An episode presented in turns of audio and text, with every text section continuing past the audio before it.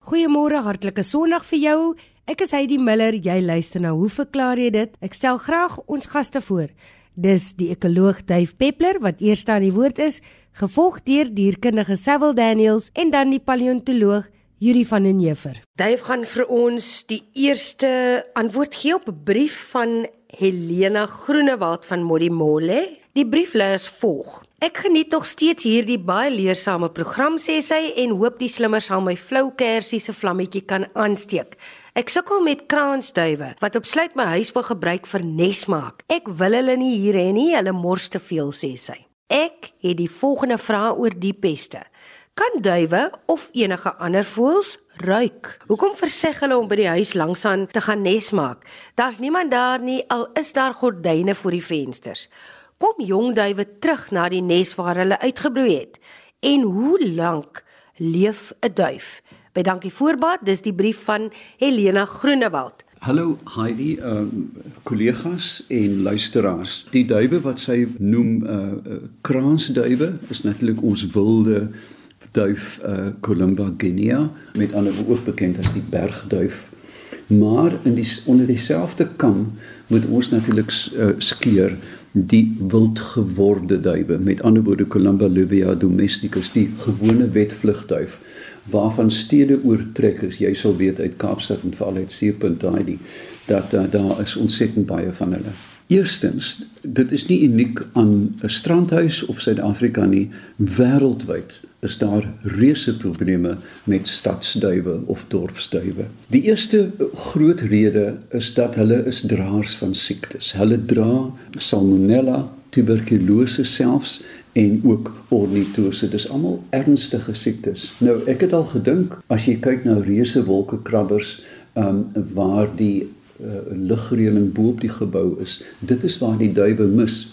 Nou as dit reën en jy het 'n opvolg van 'n paar warm dae, kan hierdie siektes uitbroei in hierdie dammis en die lugreëling se lug word gesuig daaroor. Met ander woorde, jy kan eenvoudig 'n hele gebou vergiftig met een bron van besmetting deur duwe. Ons dink byvoorbeeld aan Trafalgar Square in Londen wat nou al vir etlike dekades nie meer toelaat dat duwe daar gevoer word nie want die mis is metrieke tonne per jaar wat op die middestad uitsak veral met die konsentrasie van duwe. Ek dink ook in die ou dae het ons in die stadstuin in Kaapstad so duwe gevoer. Dit word nie meer aangemoedig nie. Uh mense voer nog eekorings. So, daar is wêreldwyd 'n groot probleem want Die duif sien eenvoudig die stad as 'n berg. Dit is 'n berg met baie sitplek, dit is 'n berg met baie skuilings, dit is 'n berg met baie nesmaakplekke en dit is 'n berg met oorvloedige kos.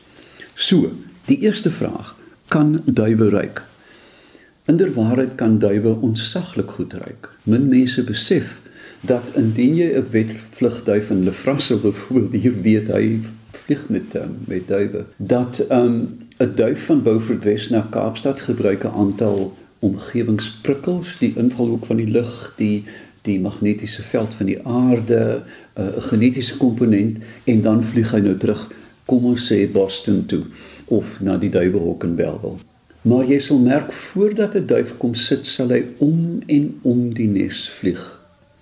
Die rede daarvoor is hy moet die nes ruik voor hy kan gaan sit. Dit kan maklik bewys word wetenskaplik deur die um nasale mucosa, met ander woorde die reukoppervlakte in die duif se neus te verdoof. Jy kan dit net met 'n depper doen.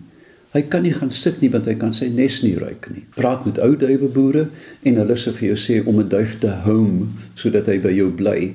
Wat die eerste ding wat jy doen, jy vat 'n halwe ei in 'n suikous en bind dit om sy nek vas dat hy hierdie sterk reuk geassosieer kan kry met sy nuwe huis en al die ander reukherinneringe kan uitwis. Met ander woorde ja, uh duwe is nie alleen nie asvoels byvoorbeeld reuk ook baie goed, maar duwe het 'n akute reuksintuig en ek dink dit is nogals bitter interessant dat dit deel van sy tuiskoms navigasie toerusting is. Hoekom verseg duwe om by die buurman byvoorbeeld te gaan nes maak alhoewel daar nie gordyne getrek is en geen steuring is nie? Ek dink ons moet 'n huis sien as 'n nis. Nou 'n nis is 'n woonplek in die ekologiese terme. Maar 'n nis is nie 'n enkel nis nie, daar is 'n nesmaak nis, daar's 'n vreetnis, daar is 'n ehm 'n skuilingnis. Nou moet jy uitvind Hoekom skuil die duif daar? Is dit 'n nesplek? Het hy daar vir 'n stokkie nes gebou of slaap hy net saans onder die geet? Ek weet nie hoe die huis lyk nie. Miskien is die die die luisteraar se huis net meer aanloklik en meer toeganklik. Tweedens, as daar eendag 'n sitplek van enige gevoel is, word dit tradisie. Dit word deel van die landskap. Jy kan daai duif skiet, doodmaak, opeet. 'n Volgende duif sal daai plek weer uitsoek. Met ander woorde, daar is faktore in die omgewing wat hun sitplek aangewese maak. Nou, dit is nou 'n vensterbank, 'n uh, traliewerk ensovoorts. Kom jong duwe terug na die nes toe? Die antwoord is nee. Ehm um, hulle sal in die omgewing groot word. Ek dink ons moet eers kom ons dink eers daaraan. Sê nou maar 'n duif maak 3 kleintjies groot. Statisties sal 2/3, 2 uit die 3 vrek binne 6 weke nadat hulle nes verlaat het. Met ander woorde, daar's 'n groot attrisie in die natuur wat hulle uithaal. Uh dit is as gevolg van siektes, as gevolg van uh roofdiere. Nou praat van roofdiere wat hou 'n duifbevolking onder beheer. Die edelste valk van almal, die swerfvalk, uh die Engelse peregrine wat 'n by uitnemendheid in duifvanger is. Dan is daar die slegvalk, die lanner falcon, daar is um, 'n hele aantal sperwers, die Afrika sperwer, rooibos sperwer en ook die swart sperwer wat duwe voor die voet afmaai. Met ander woorde aan die buitekant is daar oë wat hulle dophou en hulle opvreet. Ek kan nie 'n finale verklaring gee nie, maar ek dink die nus verskuiling is heel moontlik by die luisteraar meer aanloklik as langsaan. Hoe lank leef 'n duif? In die natuur kan 'n mens veronderstel dat 'n duif nie tussen 3 en 5 jaar gaan lewe. Hulle word nie baie oud nie, maar hou hom in 'n hok aan en ehm um, maak dit 'n troetelduif, dan kan hulle tot tot 15 jaar oud word. Nou wat staan ons te doen? Ek dink in die eerste plek dat dit die argitekte se skuld is dat duwe opgeboue of bygeboue nes maak. Want hulle skep eenvoudig dienes struktureel dit is sy werk. Die argitek moet 'n dak bou teen 'n sekere hoek en dan moet sekere balke wees. Maar uh, vir jare al bemoei ek my met die gedagte dat ons ekoloë is opgelei om probleme in die omgewing um, uit te ken. Maar ons het nie die vermoë om dit reg te maak nie. Dis die ingenieurs wat dit moet regmaak met ander woorde as daar Kaapstad se water opraak met 'n ingenieur 'n ontsoutingsaanleg bou, nie 'n ekoloog nie, want hy weet niks daarvan nie. En daarom het ek hierdie pleidooi en ek wil dit weer die pleidooi in die publieke domein neersit. Ek dink dit is hoogtyd dat ons by universiteite 'n leerstoel moet kry tussen ekologie en ingenieurswese sodat daar omgewingsingenieurs spesifieke omgewingsingenieurs opgelei kan word juis om te kyk na hierdie probleme Hoe moet 'n dakkap teen watter hoek moet 'n vensterbank wees voor 'n duif afgly? Ek dink is 40 grade. Nou as jy dit vlakker as dit maak, gaan 'n duif daar kom sit of jy nou dit wil hê of nie. Met ander woorde, dis strukturele aanpassings wat ons kan maak.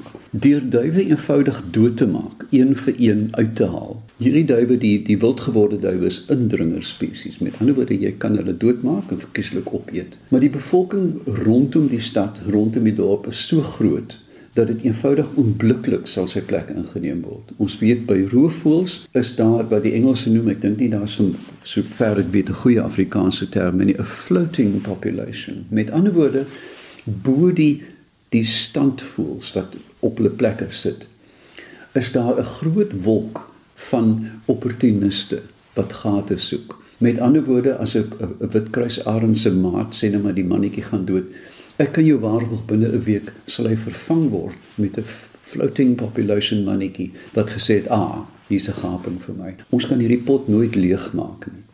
Uh so die enigste antwoord, die enigste antwoord wat is, is om jou huis struktureel aan te pas sodat die duif nie kan sit nie. Hoe doen ons dit? Daar is 'n hele klomp kommersiële produkte op die mark. Die maklikste is die sogenaamde penne. Jy kry van nylon strook met penne wat jy dan net eenvoudig met klein spykertjies of met 'n kram teen die sitplek kan vasmaak. En die duif kan letterlik nie daarop gaan sit nie. Ek dink dit is ekologies en eties nie reg om chemiese afskrikmiddels te gebruik nie. Daar is goed wat jy kan aansmeer wat die duwe irriteer. Ek dink nie dis eties korrek nie. En dan is daar 'n sweterjoel ander uh, metodes van spieels wat draai. Hieroor wil ek my ook nie uitlaat nie alhoewel ek net dink dat dit nie baie effektief is nie.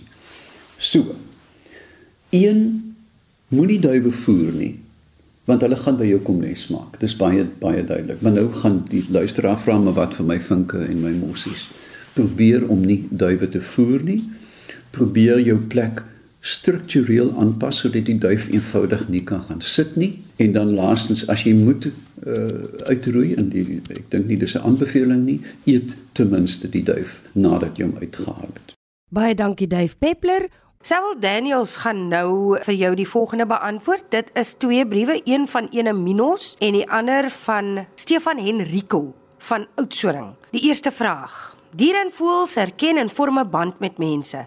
Sommige mense hou troetelinsekte aan, byvoorbeeld spinnekoppe en kokkerotte kan insekte ook mense herken en 'n band met hulle vorm? Dis die eerste vraag wat sy wil gaan beantwoord. En dan die volgende vraag van Stefan Henrico. Ek het 'n foto geneem, skryf hy op Langebaanweg se strand. Dit lyk soos 'n krab, maar geen krab wat ek ken nie. My vriend Billy Craft sê dis 'n crown crab. Maar ek sou graag duidelikheid wil hê. Oor na Sewil Daniels. Goeiemôre luisteraars. Baie interessante vraag of ehm um, troeteldiere of troetel insekte liewer 'n uh, band sou kon vorm met hulle eienaars? Die antwoord is nee. Ek gaan nou eers by soogdiere begin. Gewoonlik in die algemeen hou mense 'n hond of 'n kat aan, um as 'n troeteldier. En ons weet by soogdiere, veral by honde en katte spesifiek, is um die brein redelik goed ontwikkel.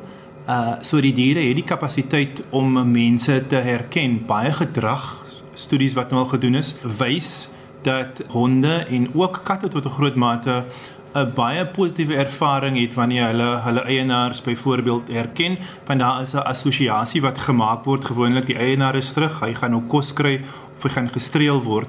Nou so gepraat van gestreel, die wetenskap bewys ook dat troeteldiere soos byvoorbeeld honde of katte wanneer 'n mens hulle aanhou by die huis en jy streel hulle en dit verhoog ook jou oksitose vlakke. As 'n ma se jy nou weet as 'n mens nou in jou dogtertjie se gesiggie kyk, dan smelt jou hart. Daai hormone help natuurlik met positiewe terugvoering. So by groter soogdiere is dit baie makliker vir die diere om 'n band te vorm veral omdat die diere in die algemeen 'n neiging het om meer sosiaal te wees. 'n Hond is 'n meer sosiale dier byvoorbeeld. By insekte is daar daadwerklik geen bewyse dat die diere 'n band kan vorm met die eienaar nie. En die hoofrede daarvoor is die brein van die diere is te klein om werklik herkenning in dit te hê as 'n meganisme. Die tweede en dan korter vraag van Stefan Henrico ehm um, van Oudtshoorn is oor die kroonkrab wat hulle by 'n uh, eh, langebaan gesien het. Jy is absoluut reg, dit is 'n kroonkrab, Hymenosoma orbicillata is die spesiesnaam. Hulle is redelik volop in die intergety sone en hulle hou daarvan om in ehm um, brak areas voor te kom met ander woorde waar varswater gewoonlik die see ontmoet so in hierdie estuary tipe omgewings en hulle is die hoofvoedselbron van 'n groot verskeidenheid van visse wat in die intergety poele voorkom ook. So jou vriend is absoluut reg in sy identifikasie van hierdie decapod. Yuri van den Heever het 'n brief ontvang en ons het al gesels oor John Mulder van Plettenberg Bay se vraag en dan is hier nog een, 'n brief van John Mulder. Ek gaan net 'n stuk daaruit vir jou voorlees. Hoe die doringboom wat nie kan sien nie, geweet dat diere sy blare vreet en dat doring se afweermiddel sou wees waarmee hy die diere kan afweer. Het dorings evolusionêr ontstaan? Is daar argeologiese bewyse dat dorings deur evolusie geskep is?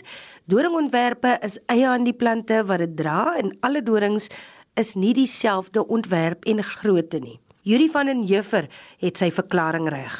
Goeiemôre Heidi en luisteraars.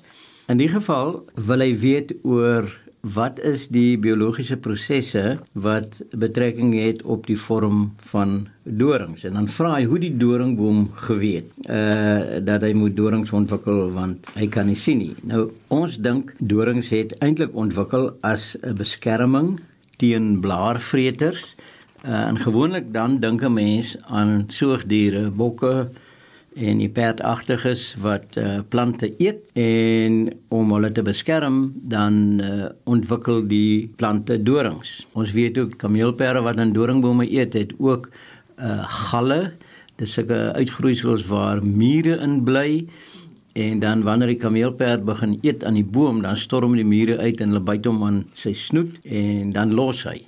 Uh ons weet ook dat daar bome is wat in groepe saamgroei en wanneer daar aan een boom geëet word dan word daar sekere uh vlugtige stowwe afgeskei wat deur die lug gedra word by die ander bome. Dit veroorsaak dan dat daardie bome uh stowwe afskei wat die blare meer onsmaaklik maak. So daar's allerlei beskermingsmeganismes om uh, hierdie eet van die blare uh of dele van bome te beperk. Nou jy vra te reg, uh, is daar enige en dit is eintlik paleontologies, nie argeologies nie. Argeologies het net te doen met mense en hulle dinge of daar enige paleontologiese bewys is dat dorings al ontwikkel het. En die antwoord is ja. Ons sien die eerste dorings in die paleontologie in die fossiele by plante teen omtrent 400 miljoen jaar gelede. Nou as mense na die opeenvolging van gebeurtenisse kyk, dit was min of meer daardie tyd dat die eerste plante daarin geslaag het om weefsel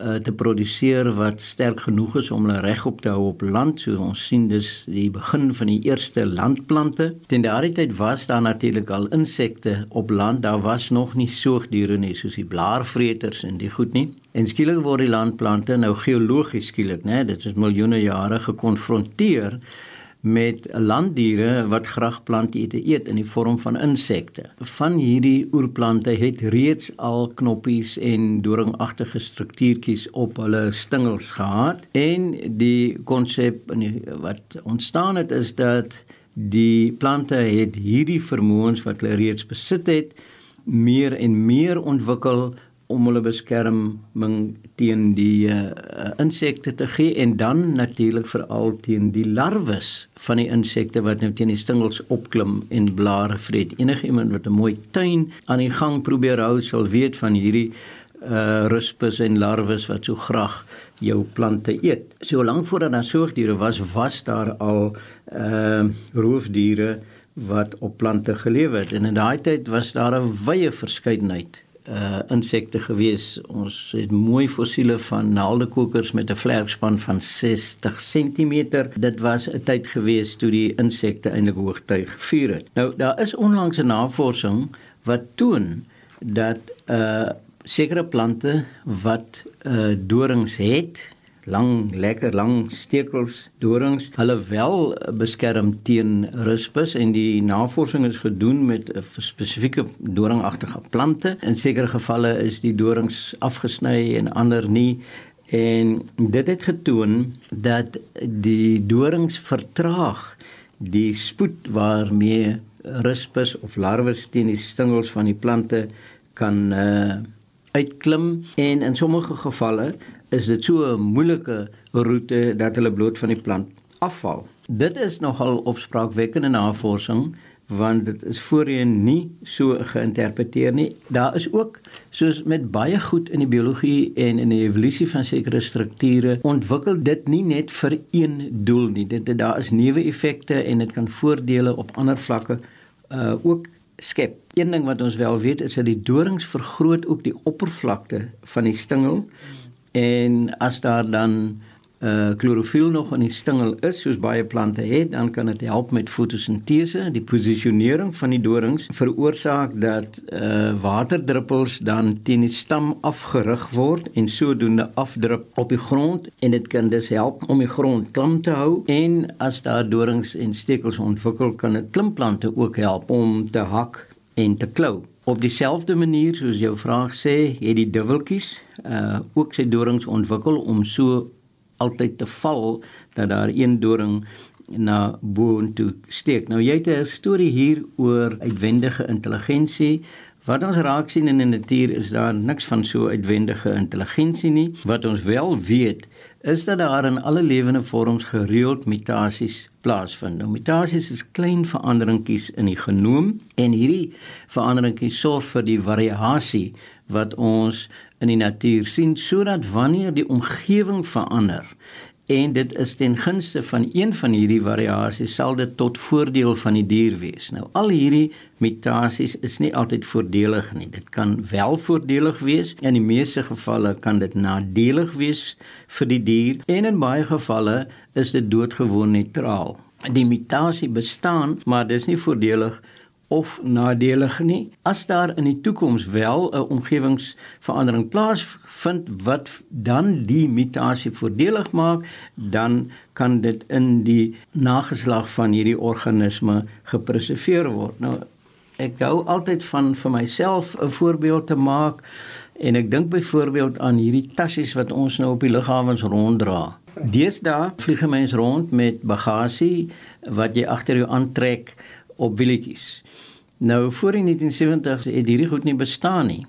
Want dit was nie nodig nie, omdat die parkeerplek by lughawens, die lughawen self, die roete of die afstand na die uh, kaartjie toonbank toe en dan die afstand aan die vliegtuig toe was so dat dit nie 'n geweldige lang tog ingesluit het nie en daar was mense wat jou bagasie kom haal het en dit op die vliegtuig gesit het. Maar met die vergroting van die lughawens, hoe verder jy parkeer van die kaartjie toonbank af, en nou mense weet vandag loop jy geweldige afstande by internasionale lughawens en die feit dat baie meer mense vlieg en soms net oornag iewers heen gaan of vir 'n dag of twee, het beteken dat die bagasie eintlik minder en kleiner geword het en in In die 1970s het een van die vlieëniers, ek weet nie wie dit was nie, maar hy was 'n vlieënier, let wel, nie 'n loods nie. 'n Loods is 'n ding waar mense dis 'n skuur waar mense vliegtuig in parkeer. Die ou wat die vliegtuig beheer is 'n vlieënier en sy medevlieënier. Het een van die vlieëniers besef maar ek hoef nie uh my bagasie rond te dra nie. Ek kan wielietjies onder aan die tas sit. Nou die wiel is duisende jare gelede deur die mens uitgevind en het baie toepassings in ons lewe, maar nog nooit voor die 1970s vir uh vliegtuigbagasie nie. En hy het die wielietjies aangesit en hy het 'n hele nuwe tendens teweeggebring sodat daar vandag 'n geweldige bemarkingspoging is om hierdie soort bagasie te verkoop. So dis iets wat lankal sluimerend gewees het by die mens. Dit is net toe die omstandighede verander het, is dit toegepas op lugvaartbagasie. Uh, dit is 'n eenvoudige manier om aan te toon hoe die omgewing en die genoom mekaar affekteer. Die variasie van plaas in die genoom, die omgewing verander, bied nuwe uitdagings en dan reageer diere daarop en as hulle nie kan bykom nie, uh dan sterf hulle uit. Dis kan 'n mens dit miskien sien in die lig van vraag en aanbod. 'n Ander goeie voorbeeld is die visse, die aquariumvisse wat van Trinidad afkom, wat party mense guppies noem, die Afrikaanse naam daarvoor is miljoentjies en hierdie helder kleurende visse wat 'n mens in jou aquarium aanhou en wat so pragtig is, maar in hulle natuurlike staat kom hulle in die riviere van Trinidad voor. Hulle word gevreet deur 'n ander roofvis wat ook in die riviere plaasvind. Nou daar is watervalletjies in die riviere en die guppies kom dwars deur die hele rivier se lengte voor. Die roofvisse kan nie teen die watervalle uitswem nie en die kom net in die onderste gedeelte van die riviertjies voor waar daar wel miljoentjies is en in hierdie omgewing is die miljoentjies vaalbruin, hulle is nie kleurvol nie, hulle is baie kleiner en omdat hulle onder soveel druk is word hulle vroeër geslagsryp maar in die boonste gedeelte van die riviere waar daar nie roofdiere is nie daar word die guppies groter. Hulle is helder kleurig en hulle neem ook langer om geslagsryp te word. So dis 'n baie goeie voorbeeld van hoe dieselfde visie op verskillende maniere kan lyk as gevolg van die variasie wat daar in die genoom bestaan. En dis alles as gevolg van uitwendige druk In hierdie geval is dit nou nie uh insekte wat die blare vreet nie, maar dit is roofvisse wat die visse self aanval. Dankie aan Yuri van den Heever, ook aan Dave Peppler en Sewil Daniels. Onthou jy kan ook aan ons skryf. Dis hoe verklaar jy dit? Posbus 2551 Kaapstad 8000 of stuur gerus vir my 'n e-pos. Heidi by rsg.co.za. H A I D E E. Ons groet tot aanstaande Sondag.